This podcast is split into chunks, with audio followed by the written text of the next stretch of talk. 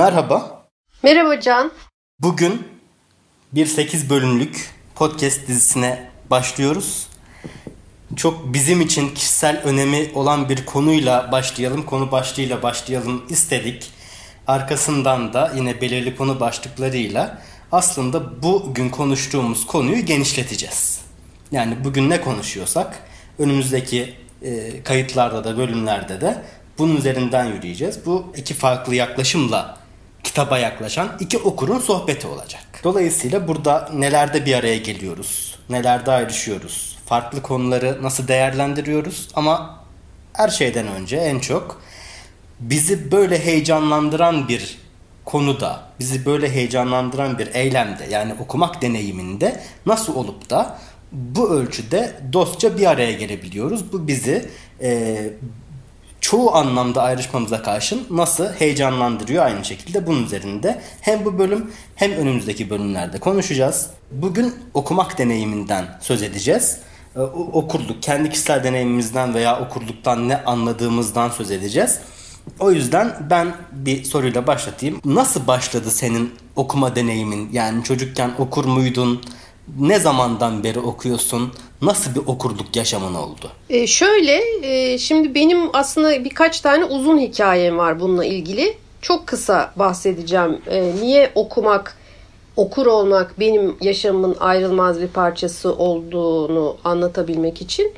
E, daha okumaya başlamadan önce yani 7 yaşından önce e, babam evde e, İngilizce çalışıyordu. Kalın kalın kitapları vardı.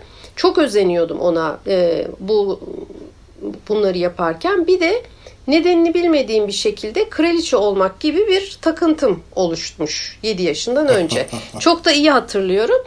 Babama sürekli diyorum ki kraliçe nasıl olunur? Ben kraliçe olacağım nasıl olur?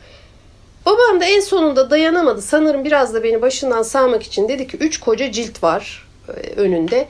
Bu dedi üç koca cildi okuyup bitirirsen kraliçe olabilirsin dedi. Orada ben kafaya taktım bir an önce okumayı öğrenmem ve o ciltleri bitirmem lazım. Ama o ciltleri de okumayı öğrenir öğrenmez bitiremeyeceğimin de nasıl olduysa farkındayım. Arada bir sürü şey okuyup sonra onlara geçmem gerektiğini de bir şekilde kafamda düşündüğümden ben okumayı öğrenir öğrenmez deliler gibi elime geçen o yaşın 7 yaşın çocuk kitaplarının hepsi onlar bitti bir üst seviye derken kendimi bir anda e, bir okuma sürecinin içinde buldum. Onun dışında bu okuma e, işleri ara ara seyrekleşti. E, hayatın koşulları, okuldaki ağırlık, yoğunluk derken ama bir tanesinden sonra e, bu da sanıyorum e, lise yıllarıma denk geliyor. E, çok sevdiğim bir arkadaşım var Nilhan diye. A, evlerine gidip geliyoruz. Abisi tam benim hayalimdeki okur. Gece gündüz okuyor. Kocaman bir kütüphanesi var ve nasıl özeniyorum onu görünce. O arkadaşıma ve bana ve dolayısıyla kardeşlerime sürekli okuma tavsiyelerinde kitaplar öneriyor. E, tavsiyelerde bulunuyor ve biz e, hiç aralıksız e, bir kitap okuma sürecine girdik o dönemde. Ondan sonra zaten e, kitap okumadan kaldığım hiçbir dönem olmadı. Kısaca böyle benimki. Benim böyle çok havalı bir öyküm yok. Yani biraz da açıkçası şaşkınlık içindeyim. Ee, çok güzel öykü. Ben de aynı yaşlarda hemen hemen okumaya başladım. Yani benim o yaşlardan beri getirdiğim, senin de yakından bildiğin bir onulmaz ukalalığım olduğu için okumayı ben öyle anlatıyorlar. Kendi kendime öğrenmişim. Tabii kendi kendine okuma öğrenilmez. Büyük olasılıkla o zaman çocukken anneannemle falan çok zaman geçiriyordum. Herhalde o bana böyle çaktırmadan gizli gizli okuma öğretti. Sonra ben bana onun malum olduğu sanrısı içerisinde bir şeyler okumaya başladım. O yüzden hep bana ya işte bu okuyor. O, o bir başarıydı. Dolayısıyla o ukalalığın altını doldurmak için bir olanaktı. Hani neden ukalasın? Çünkü okuma biliyorum. Çevremdeki aynı yaştaki çocukların ezici çoğunluğu bilmiyordu. Ve insanlar okuma öğrenmek için uzunca bir süre bir çaba harcamak zorunda kaldılar. Sanıyorum hala da böyle. Doğal da o mu onu da bilmiyorum. Dolayısıyla o benim için bir ayrıcalıktı her zaman için. Sonra kitap okumaya başladım. Çocukken çok da sevmezdim aslında kitapları. Yani doğum günlerinde falan kitap verirlerdi çocukken. O çocuk aklımda sevdiğim bir şey değildi. Ama o kitabı şimdi yine verseler yine sevmem. Veya benzer kitabı şimdi yine verseler yine sevmem. Yani o işte bu çocuk o yüzden çocuk kitabı verelim. İşte böyle işte insanlığın iyiliğini anlatan, işte sevgi anlatan, barış anlatan kitaplar falan sevmem ben öyle kitapları çok. Ee, belki ileride söyleyeceğim şeylerle çelişeceğim ama çok da çelişmeyeceğimi umuyorum. Şeyi çok iyi hatırlıyorum. Yani birkaç kitabın kırılma noktası olduğunu çok iyi hatırlıyorum. Bir aile dostumuzun. Yanılmıyorsam Enid Bilton'ın veya nasıl söyleniyor soyadı ondan da emin değilim ama hala yayında olan yani İngilizcelerini falan da aslında bulmak mümkün. Hatta bir toplu cildini geçtiğimiz gün edindim internet üzerinden. Ee, benim bildiğim hatırladığım şeyler mi diye. Enid Bilton'ın e, sanıyorum Gizli Yediler hmm. kitabını bir, bir yani Gizli Yediler kitaplarından birini armağan ettiğini ve benim o kitap bana geldikten 2-3 saat sonra o kitabı bitirmiş olduğumu hatırlıyorum. Ve benim okuma deneyimim hep bunun üzerinden gitti. Beni o anlık olarak çok heyecanlandırabilecek bir şey gelecek benim elime. Ben onu edineceğim veya bana bir yerden gelecek. Ben bunu büyük bir iştahla okuyacağım. Büyük olasılıkla da bir konu olacak. Yani bir heyecanlı bir şey olacak, bir gizem olacak, bir çatışma olacak, heyecan verici. Yani benim gündelik yaşamımda kolay kolay erişemeyeceğim bir şey olacak ki bu iyi, kötü, başka türlü şeyler olabilir ama e, bu zaten okumanın öyle bir dünya genişletmek boyutu da var. E, konuşacağız mutlaka. Dolayısıyla hep benzer bir çizgide benim okuma e, yaşamım ilerledi. E, o zamandan beri de okuyorum. Aslında çok da farklı yerlerden çıkıp farklı yerlerde buluştuğumuzu e, öne sürecektim ama böyle deyince hani senin çok güzel bir öykün var ama yaş ve ilgi itibariyle çok da farklı yerlerden çıkmadığımız e, düşüncesine kapıldım böyle olduğu zaman. Bu söylediklerine ben de şöyle şaşırdım. Çünkü şimdi e, dinleyenlere şöyle bir bilgi verme gereği duyuyorum öncelikle. E, bizim Can'la aramızda ciddi bir yaş farkı var. Hani yaşları söylemeyeceğim ama ben yarım asırı devirdim. Can da çeyrek asırı devirdi. Yani benim yarı yaşımda. Fakat Can'ı ben ilk okumaya başladığı günden beri tanıyorum e, çok şanslıyım o konuda fakat o günden beri gördüğüm Can hani ben kendime okur diyemiyorum Can'ın yanında çok hafif kalıyorum. E, şunu belirtmekte fayda var. Ben bir kitabı okurken Can'ın bir kafayı dönüyorum 10 kitap bitirmiş. Can böyle bir okur. Okuma deneyimlerimiz... Buraları montajda atacağız. Öyle mi diyorsun? Hayır atma bence. Bunlar da dursun. Bence bunlar önemli. E, ama şey ilginç, şu ilginç. Hepimizin okuma sevgisi e, bu okuduğumuz çocukluk dönemimizdeki kitapların etkisiyle olmuş. Sanırım sen de o kitaplarla karşılaştığın için hani bugün sevmesen bile çok şanslısın. E, ben de aynı şekilde hani e, işte kraliçe olmak ya da birilerinin tavsiyesiyle kitaplar okumuşum ama karşıma çıkan kitaplar benim dönemimin insanları için özellikle söyleyeyim. Şimdi duyduklarında hatırlayacaklardır.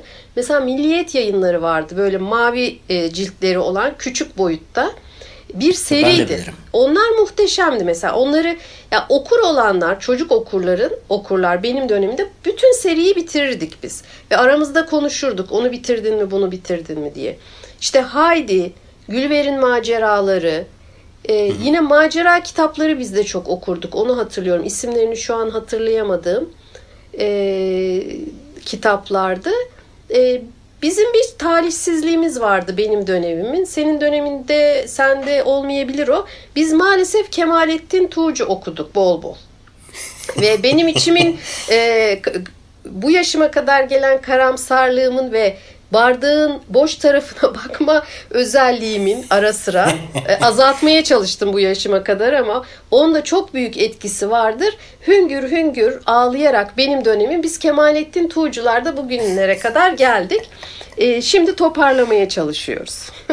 Aslında biraz yerleşik bir e, şeyden söz ediyorsun. Yani o yaygın işte milliyet kitaplarının e, yaygınlığından söz ediyorsun. İşte benim e, başka benden biraz daha yaşça büyük dostlarımla konuştuğum zaman veya ailemle konuştuğum zaman da onlar da hep kolay erişilebilen e, çok pahalı olmayan özellikle klasikleri çocukluklarında çok okuduklarını söylüyorlar. Ve işte görüştüğüm, tanıştığım, birlikte çalışma olanağına eriştiğim yazarlar aynı şekilde klasikleri okuyarak başladıklarını büyük oranda söylüyorlar veya genç yaşta okumuş olduklarını söylüyorlar.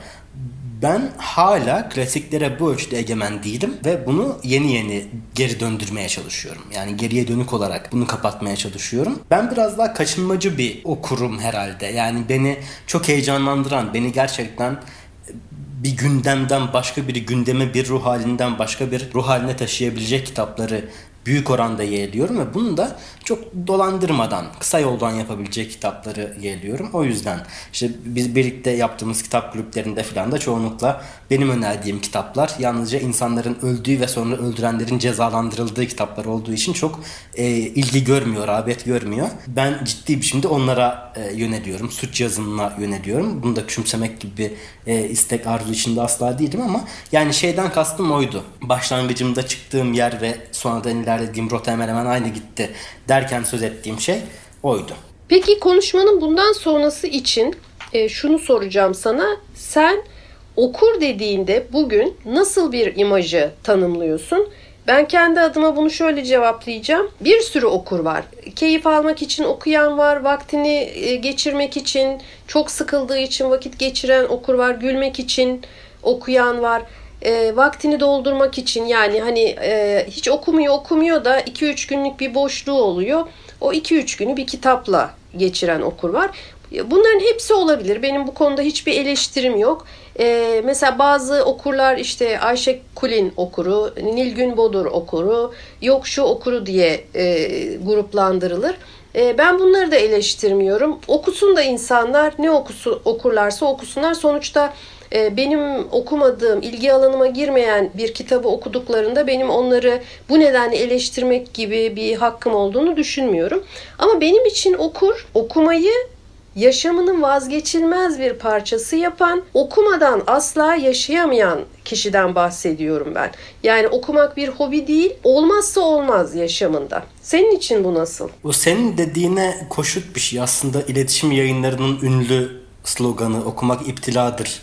Müptelalara selam gibi bir yanılmıyorsam belki yanılıyorum öyle bir sloganları var iletişim yayınlarının. Doğru doğru evet var. İletişim yayınları benim gözde yayın evlerim arasına e, çok girmez ama bu çok yerli yerinde bir slogan gerçekten. Dediğine büyük oranda katılıyorum aslında. Yani hani şunu okuyan okurdur, bunu okuyan okur değildir demenin bir anlamı yok ama okurun genel tanımı veya bizim burada bizi bir araya getiren alışkanlıklarımız doğrultusunda bir okur tanımı yaşamının kalıcı bir parçası olarak okuyan, yaşamını ilerletmenin, sürdürmenin bir yolu olarak okuyan insan bizim okurdan anladığımız belki o anlamda bir araya geliyoruz. E, çünkü biz böyle insanlarız. Yani en azından büyük oranda böyle insanlarız. Ben kötü hissediyorum ya okumadığım zaman. Yani bunu da bir görev duygusuyla yaptığım belki düşünülebilir veya okuma duygusuna, dürtüsüne sahip insanlar anlayacaktır bunu. Belli bir süreyi bir şey okumadan veya beni çok doyuran bir şey okumadan geçirdiğim zaman o çok eksik bir zaman gibi geliyor bana. Ee, bu anlamda belki o söylediğim şeyi de yinelemekte yarar var. Bir dürtü. Hı hı. Bir dürtü. Yaşama anlam katmak için. Yaşamı ilerletmek için. Sanatın pek çok kolu da böyle aslında. Sanatın pek çok boyutu için de benzer şeyler söylenebilir belki ama okumayı biraz daha odak noktaya almamız gerekiyor. Bir dürtü. Evet. Gerçekten. Evet. Bu dürtüye sahip olan, bu dürtüyü doyurmak için uğraşan ve işte yaşamını bir ölçüde tümüyle değil tabii ki. Yani şimdi şey diyemeyiz. Okumayı belki senin kadar, benim kadar yaşamının merkezine almak durumunda değil insanlar. Yani sen okur değilsin veya biz senden söz etmiyoruz diyecek halimiz yok. Bir anlamda bizim yaptığımız şeyin de bir lüks olduğu söylenebilir. Yani demek ki belli bir alışkanlıktan geliyoruz ve yaşamın bize sunduğu olanaklar ne olursa olsun bir biçimde kendimizi bu dürtüyü doyurmaya ayarlayabiliyoruz. Belki böyle bir şansımız var bizim. Ee, çok öyle bir ayrım anlamlı olmayabilir ama bunun gerçekten bir e, yaşamı sürdürme yolu olduğunu düşünüyorum ben. Ve bir biçimde yaşamını sürdürmenin bir parçasında okurluğu barındıran insanların da rahatlıkla okur olabileceğini veya bizim söz ettiğimiz, bizim bu podcast boyunca üzerinde dolanacağımız okurluk ve okuma deneyiminin e, ortaklarından, paydaşlarından olabileceğini düşünüyorum. E, bu konuyu düşünürken e, Milan Kundera'nın e, bir cümlesi geldi aklıma. Bir yerlerde okumuştum. Milan Kundera'nın romanla ilgili bir kitabı var. Oradan bir alıntı ama o kitabını henüz okumadım ben. Şöyle diyor. Okuyucunun düş gücü otomatik olarak yazarınkini tamamlıyor. E, ben e, okurluğu böyle bir şey olarak görüyorum. Yani okuduğu kitabı olduğu gibi alan, kabul eden, e, onun içinde hiçbir e, etkileşimde bulunmadan okuyup bitiren değil, e, okurken içinde kitabın içine giren ama bir etkileşim, etkileşimde bulunan. Bu etkileşim ne olabilir? Yazarı sorgulayabilir, eleştirel bir bakışı olabilir, kahramanla özdeşleşebilir veya ötekileştirebilir, kahramanı yargılayabilir bazı yerlerde, e, bazı yerlerde suçlayıp affedebilir. Yani kitapla birlikte yoğrulan bir okur var ama aynı zamanda kitabın içindekileri de yoğuran bir okur. Dolayısıyla bir yazar kitabını yazdı, piyasaya çıktı. Kaç tane okur okuduysa o kitabı bence o kitabın o kadar hikayesi var. Çünkü o kadar yorumu olabilir. Çünkü her okur kendi geçmişiyle, algılarıyla, e, hayata bakış açısıyla o kitabı okuyor. E, bu şekilde düşünüyorum. Sen ne dersin? Bunun altına imzamı atarım. Ya böyle deyince de hani Milan Kundera'nın sözünün altına imzamı atarım. Ben de böyle bir intihalciyim gibi bir izlenim olmasın. ee, benim çok paylaştığım bir yaklaşım bu. Yalnızca okurluk için değil, yalnızca kitap için değil. Sanat olarak adlandırılabilecek bütün yapıtların ya da sanat yapıtı olarak adlandırılabilecek bütün kültürel çıktıların ben 3 e, aşağı 5 yukarı benzer bir e, yazgıyı paylaştığı kanısındayım. Yani siz bunu ürettiğiniz ve ortaya koyduğunuz zaman bundan edinilecek değer, e, yaşam içerisinde bu yapıttan kazanılacak ne diyelim tırnak içerisinde done. Bunlar o sanat yapıtı her neyse, o resme bakan, o kitabı okuyan, o filmi izleyen, o müzik parçasını dinleyen, o müzik yapıtını dinleyen insan denli çok o sayıda anlam kazanıyor aslında. Yani bu bir anlamda neyin sanat yapıtı olduğunu, neyin olmadığını saptamakta da en azından kişisel bir ölçü olarak belki kullanılabilir. İzleyiciye, dinleyiciye, okura kendine özgün bir değer katma olanağı veren yapıtı sanat yapıtı olarak değerlendirebiliriz. Ama öyle bir şey yazarsınız veya öyle bir şey çekersiniz ki ortalama insanın anlayacağından, ortalama insanın o yapıttan kendine katacağından farklı bir şey katmak mümkün değildir kendine. Onu izledikten, okuduktan, dinledikten sonra. Çok var böyle. Yani ortalamanın altında kültür ürünü özellikle Türkiye'de çok var. E, Türkiye'yi şey yapmak istemiyorum. Dünyanın her yerinde çok var. Tüketim odaklı. Ve başka bir şeyi de olmayan, niteliği de olmayan yani. Bir yandan da e, o daha sonra kitap e, kavramı üzerinde ayrıca konuşacağız ama e, bu şuna da götürüyor bizi e, iyi bir kitapsa eğer üzerine konuşabildiğimiz bir kitap. Yani okur bir kitap üzerine konuşabiliyorsa o zaten iyi kitaptır. Eğer kitap e, atıyorum 100 bin 1 milyon satıyordur ama herkes okuyordur. Aa çok güzel. Yani nesi güzel bu kitabın. Evet tam olarak bunu demek istiyorum. Yani okurun tavrı davranışı aslında kitabın da e, niteliğini nerede durduğunu da çizmiş oluyor. Evet doğru. Bu şöyle bir e, duygu yaratmak istemem. Bu doğru olmaz. Yani ben sürekli çok karmaşık, çok e, tırnak içerisinde soyut, yine tırnak içerisinde abstrakt yapıtlar okuyormuşum da böyle üzerinde saatlerce eleştirel tartışmalar yapmadan anlam kazanmayacak şeylerden keyif alıyormuşum gibi. Hayır aslında ben çok doğrudan okura bir takım duyguları çok doğrudan katabilen yapıtları her zaman yeğliyorum. Zaten ilerleyen bölümlerde de benim öne çıkarttığım ve önerdiğim yapıtlarda bunların örnekleri görülecek. Ben zaten suç yazınını benim kendi okuma deneyimimin ortasına koyuyorum. Ama burada da o okunan şeyden kişisel bir değer üretmek, yaşamda iz bırakacak, etki bırakacak, bir tente yapacak, bir sonuç çıkartmak. Sonuçtan kastım verisel bir sonuç değil. Yaşamına yeni yönler, boyutlar kazandırabilmek. Gözünü açıp çevreye baktığı zaman insanın onu okumadan önce gördüğünden biraz daha fazla şeyi görmesi okuduktan sonra. Bunu kastediyorum. Yani orada bir araya geliyoruz. Yani şey de olabilir yüzlerce milyonlarca satar. Üzerinde çok konuşulamayabilir ama insanlar işten içebilirler ki bu çok aslında güzel bir deneyimdi. Çok değerli bir deneyimdi. Ben bunu çok rahatlıkla kabul edebilirim. Yani bu üzerinde konuşmaktan kastım sanıyorum sen de zaten bunu evet, söylemiyorsun. Evet aynen bunu söylüyorum yani, ben de. Evet. Tartışma yaratmak değil ama söyleyecek söz bırakması insana. Söyleyecek söz katması belki bir anlamda. Evet ben de bunu kastetmiştim. Evet böyle farklı yerlerden geldik. Farklı okuma deneyimleri barındırıyoruz deyip ondan sonra en yaşamsal konularda çatır çatır anlaşarak devam ediyoruz. Evet. Ama e, bu tür yani e, nasıl diyeyim e, okur tanımı ile ilgili konularda e, biraz uyuşacağız gibi geliyor. Çünkü e, o anlamdaki bakış açımız yakın. Mesela şimdi bir şey daha söyleyeceğim. E, okur dediğim kişi ben kendi adıma ben mesela e, aslında kitap okumadığımı yazar okuduğumu düşünüyorum. Çünkü eğer e, bir yazarı yakaladıysam benim aradığım tadı, kriterleri, e, yaşamın anlamına dair duruşuyla e, bir yazarı yakaladıysam bir kitabını, onun bütün kitaplarını okumak istiyorum. İşte ilk aklıma gelenler mesela Muratan Bungan, e, Birhan Keskin, Milan Kundera gibi. Hatta bu yazarın kitaplarının yanı sıra onunla ilgili bir biyografi varsa biyografisi, söyleşileri varsa söyleşileri okumak ya da e, izlemek anı, filmi varsa filmi. Tüm bunlarla birlikte o yapıtlarında anlam kazandığını düşünüyorum. E, yani bir yazarın bir kitabını okudum diyelim, beğendim. 10 kitabı var. Onunu okuduktan sonra ben mesela ilkine de dönerim. Ee, bazı kitaplarını tekrar okurum. Çünkü bambaşka bir gözle okumaya başlarım. Artık o yazarı tanımışımdır. Kim olduğunu biliyorum. Her cümlede ne demek istediğini e, daha farklı gözle bakabiliyorum. Okur biraz da böyle bir okur. Ya bir iz sürücü aynı zamanda bence. Bunu bütünüyle paylaştığım durumlar var. Örneğin sanıyorum ilerleyen bölümlerde de sıkça adından söz edeceğim.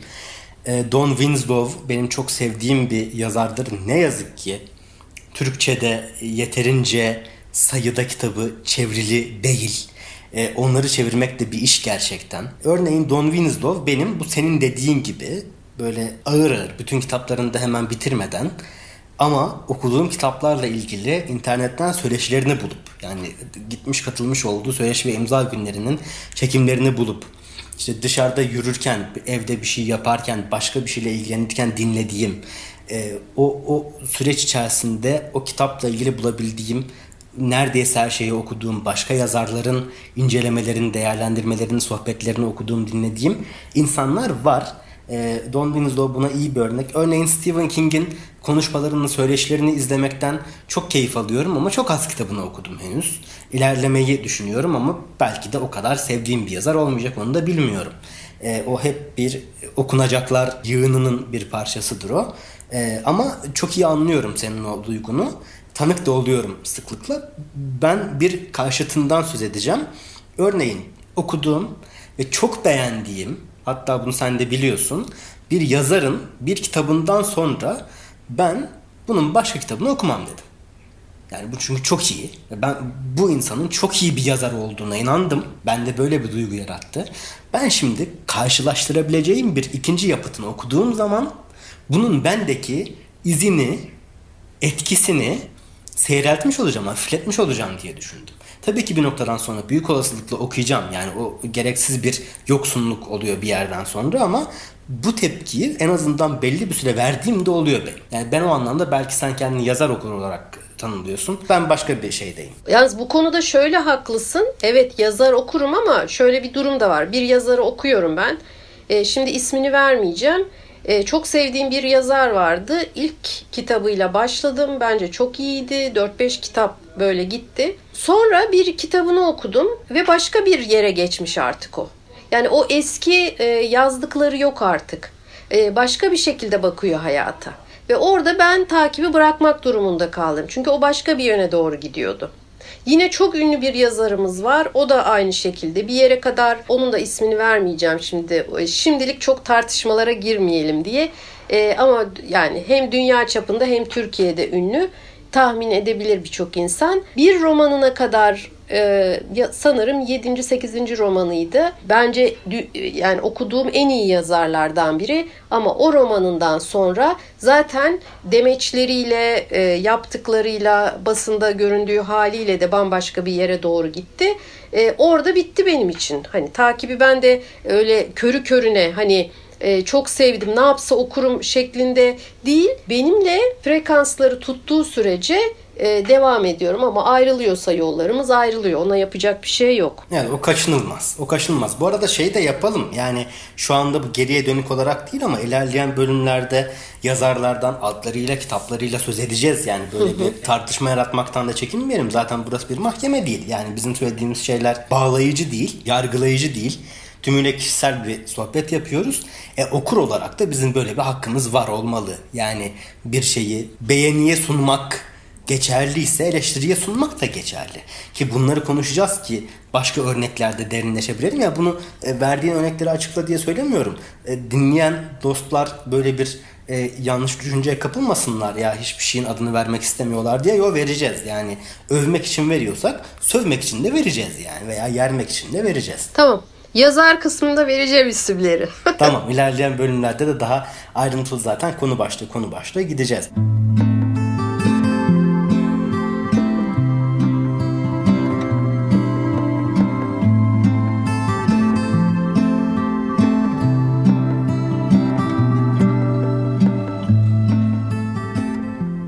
Sana sorum şu.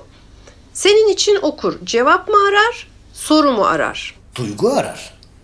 Yani Hı. bu soru veya yanıtı okur örneğin bizim yaptığımız gibi ben tarih öğrenimi gördüm.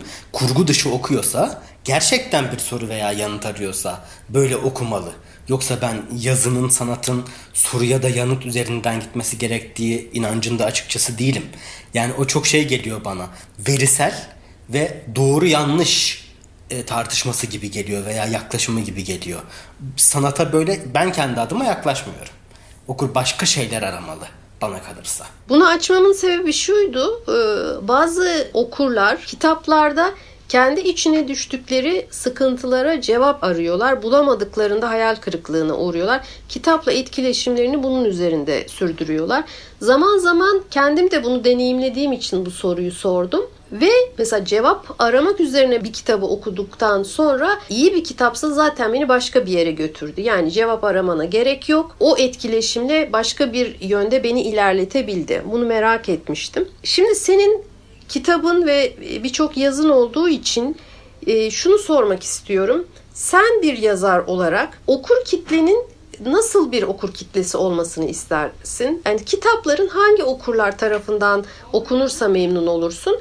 Bir kendi açından bunu cevapla. Bir de genel olarak bir yazar mesela Stephen King ya da senin o sevdiğin, e, baş tacı ettiğin yazarlar hangi okurları tercih ederler? Benim kitabımı şu okur okuyorsa tamamdır. Sevdiyse, okuduysa tamamdır. Kimdir o okur? Buna bir yazar değil de okur gözüyle yanıt verebilirim. Yani tabii ki okuyanlar var. Çoğunlukla da kurgu dışı e, çalışmaların paylaşıldığı için genellikle onun içeriği konuşuluyor. Yani evet iyi anlatmışsın çok teşekkürler. Bilmiyorduk, öğrendik veya biliyorduk, tazelendik veya bu açıdan duymamıştık, okumamıştık diyenler sıklıkla oluyor. Şu niye yok diyenler oluyor. Yani bu çoğunlukla kurgu dışı çalışmalarıyla e, insanları açık bir şeyler yapan biri olarak böyle şeylerle ben karşılaşıyorum. Çok iyi bir örnek ve karşılaştırma olmaz bana kalırsa. E, ama ben kendi açımdan kendimi iyi bir okur olarak değerlendiriyorum. Çünkü dürüstüm. Şu anlamda dürüstüm. Elimden geldiğince ben bu yazarı seviyorum. Bu kitabı da seveceğim demiyorum. Bunu da çocukça açıkçası buluyorum. Yani bu tepkiyi veren özellikle suç yazını okurları arasında çok insan oluyor. Film izlemek gibi bir şey bu. Yani çok beğenilen, çok reklamı yapılan bir filme girip çıktıktan sonra yani sanki pek olmamış demek aslında bir kültürel hazırlık gerektiriyor okurlukta da buna sapmak olanaklı. Ben bundan kaçınmaya çalışıyorum.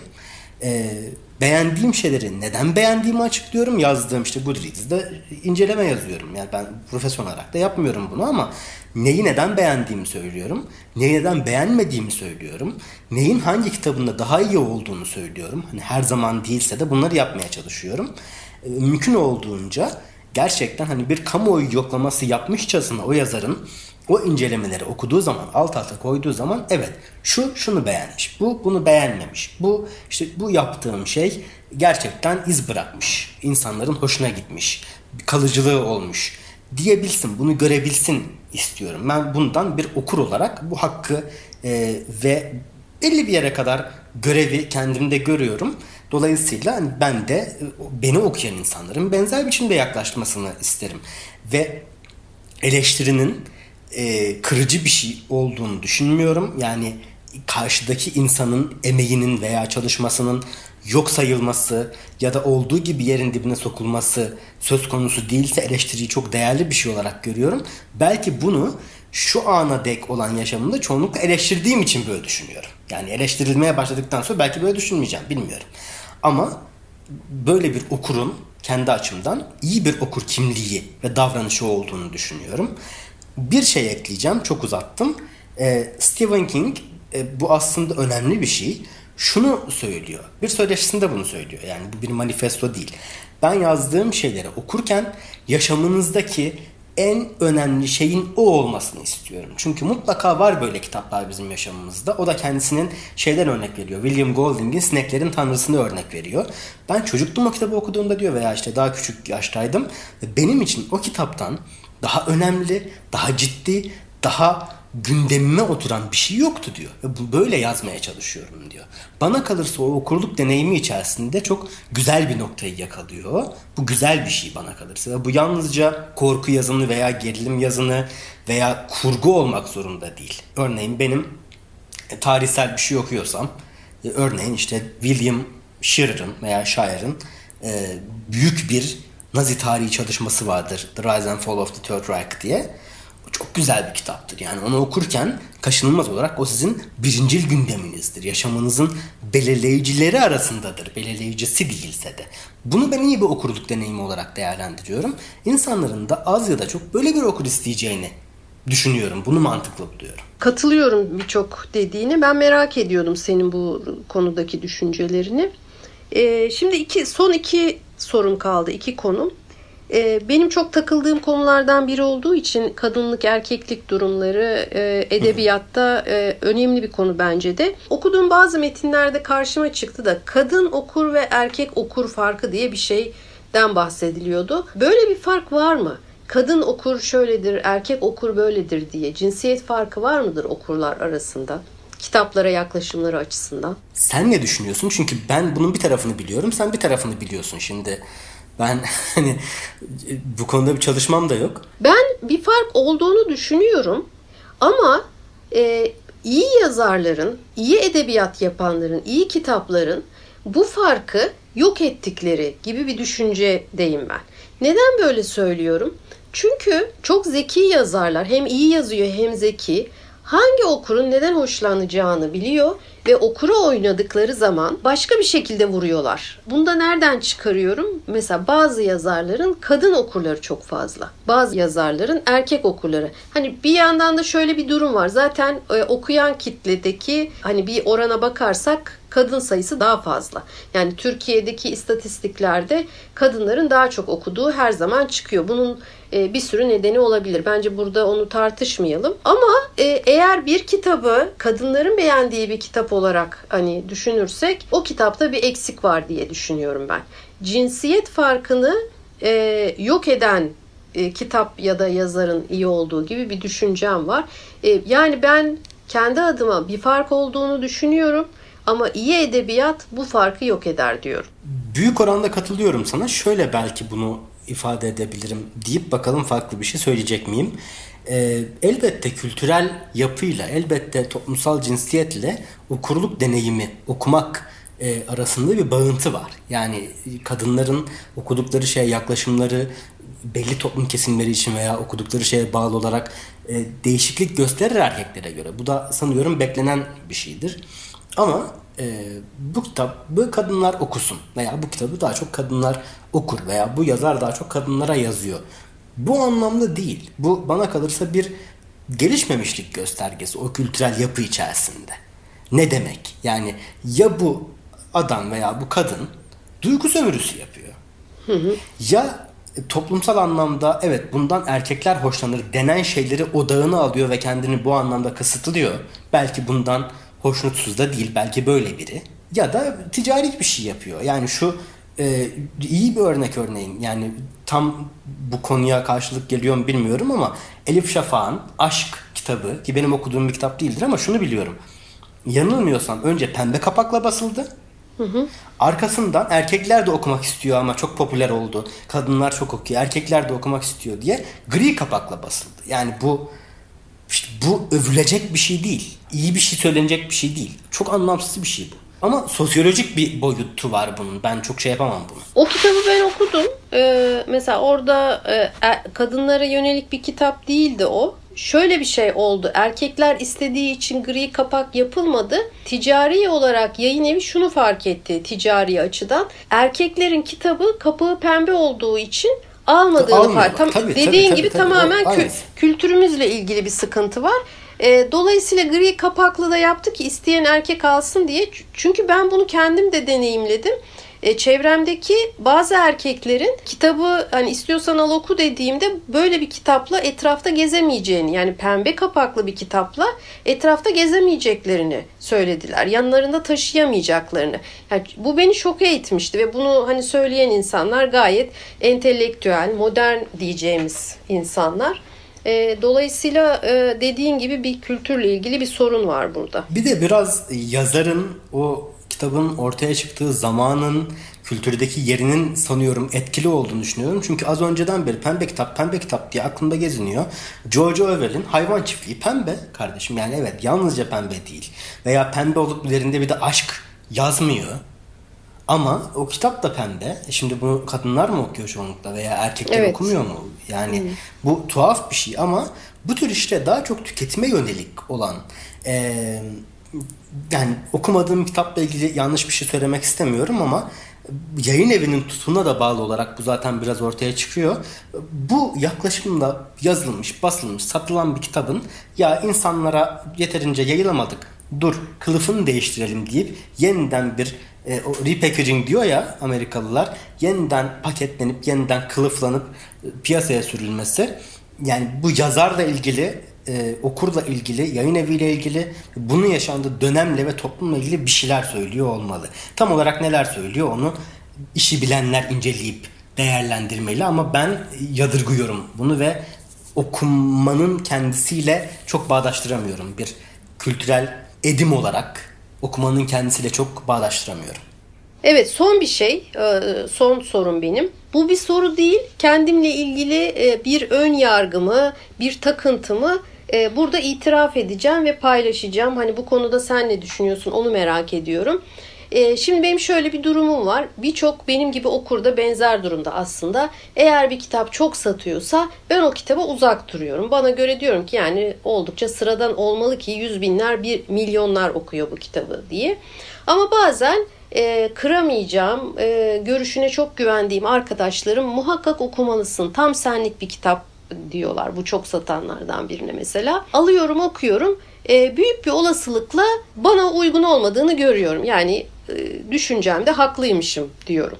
Ama olur da beğenirsem de şöyle bir şey oluyor bende. Nasıl olur da herkesin beğendiği kitabı ben beğenirim? Bir kıskançlık oluşuyor bende. Ya da bir kitabı ben çok beğendim diyelim. Ve sonra bir anda çok satanlar listesine girdi. Hani bir milyon satmasa da o binlerce satıyor. O zaman da mesela çok kıskanıyorum. Çünkü e, ben de şöyle bir şey olduğunu fark ettim zaman içinde. Bazı kitapların çok özel olduğunu, özel bir kitlenin kitabı olduğunu düşünüyorum. Eğer bu kitle büyürse ve yaygınlaşırsa o kitabın özelliklerini böyle ufak ufak yitirdiği gibi bir düşünce var bende. Böyle bir kanıya kapılıyorum kendimce. Senin bu konudaki durumun nedir? Onu merak ettim. Anlıyorum ne demek istediğini ama az önce konuştuğumuz bu yapıtın herkes için yeni bir değer, özgün bir değer taşıması ve sanatın insanla etkileşimindeki bu işte temel durumu e, o sanat yapıtını inceleyen, değerlendiren kişi kadar veya tırnak içerisinde tüketen kişi kadar değerinin veya farklı e, biçiminin olduğu yönündeki aslında değerlendirmemizle çelişmiyor mu bu? Yani evet çok satıyor olabilir. Demek ki insanlara çok hitap ediyor belli anlamlarda veya bu pazarlamanın başarısı olabilir. Bu ticari bir şey olabilir. Ama eğer iyi bir şeyse yine beklenen odur ki bunu okuyan insan kadar bu kitabın farklı biçimleri, versiyonları olsun veya farklı görünüşleri olsun insanların gözünden. Yine aynı konuşma içerisinde şeyden de söz ettik. Belki o kapsama daha uygun bir şeyden söz ediyoruz. Üzerinde zaten ortalama okurun söylediğinin dışında bir şey konuşulamayacak kitaptan da söz ettik. Belki onlara giren e, kitaplar için bu geçerli olabilir ama burada yine şu soruları sormak gerekiyor. Çok satan, çok satılan kitaplar kime satılıyor? Nerede satılıyor? Niye satılıyor? Yani çok satan kitap gerçekten onunla çok ilgilenen bir kült takipçisi vardır. Çok satar ama az sattığı zamanki niteliği neyse veya kültürel etkisi neyse o, o yine olur veya aynı doğrultuda daha fazla etkiye sahip olur. Çok satan kitaplar vardır. Gerçekten bir kibrit kutusu gibi, efendim işte bir su şişesi gibi alınıp içinin boşaltılıp bir kenara bırakılması düşünülmüştür. Bu ticari bir seçimdir, yaklaşım budur. O zaman ona göre davranırız. Şimdi bu okurluk gibi çok temel bir şey üzerinden olduğu için e, bununla başlayalım istedik. Bizim kendi yaklaşımımızı açıklayalım istedik bu bölümde. Önümüzdeki bölümlerde kitaplarla ilgili farklı konu başlıkları altında bir kitabın farklı boyutlarını değerlendirerek yine yazarlardan, kitaplardan örnekler vererek bizi heyecanlandıran şeylerden söz edeceğiz. O yüzden umuyoruz ki sizi de bu heyecana ortak etmeyi başarırız veya zaten bu heyecanı taşıyorsunuzdur. O yüzden bize eşlik etmek e, hoşunuza gider, sizi mutlu eder. Bir 8 bölüm boyunca bunu yapacağız. Bir sonraki bölümde görüşmek üzere. Ben de e, bu tür programları şöyle kapatmak istiyorum. Ne kitapsız, ne kedisiz ne şiirsiz kalın. Hoşçakalın. Hoşçakalın.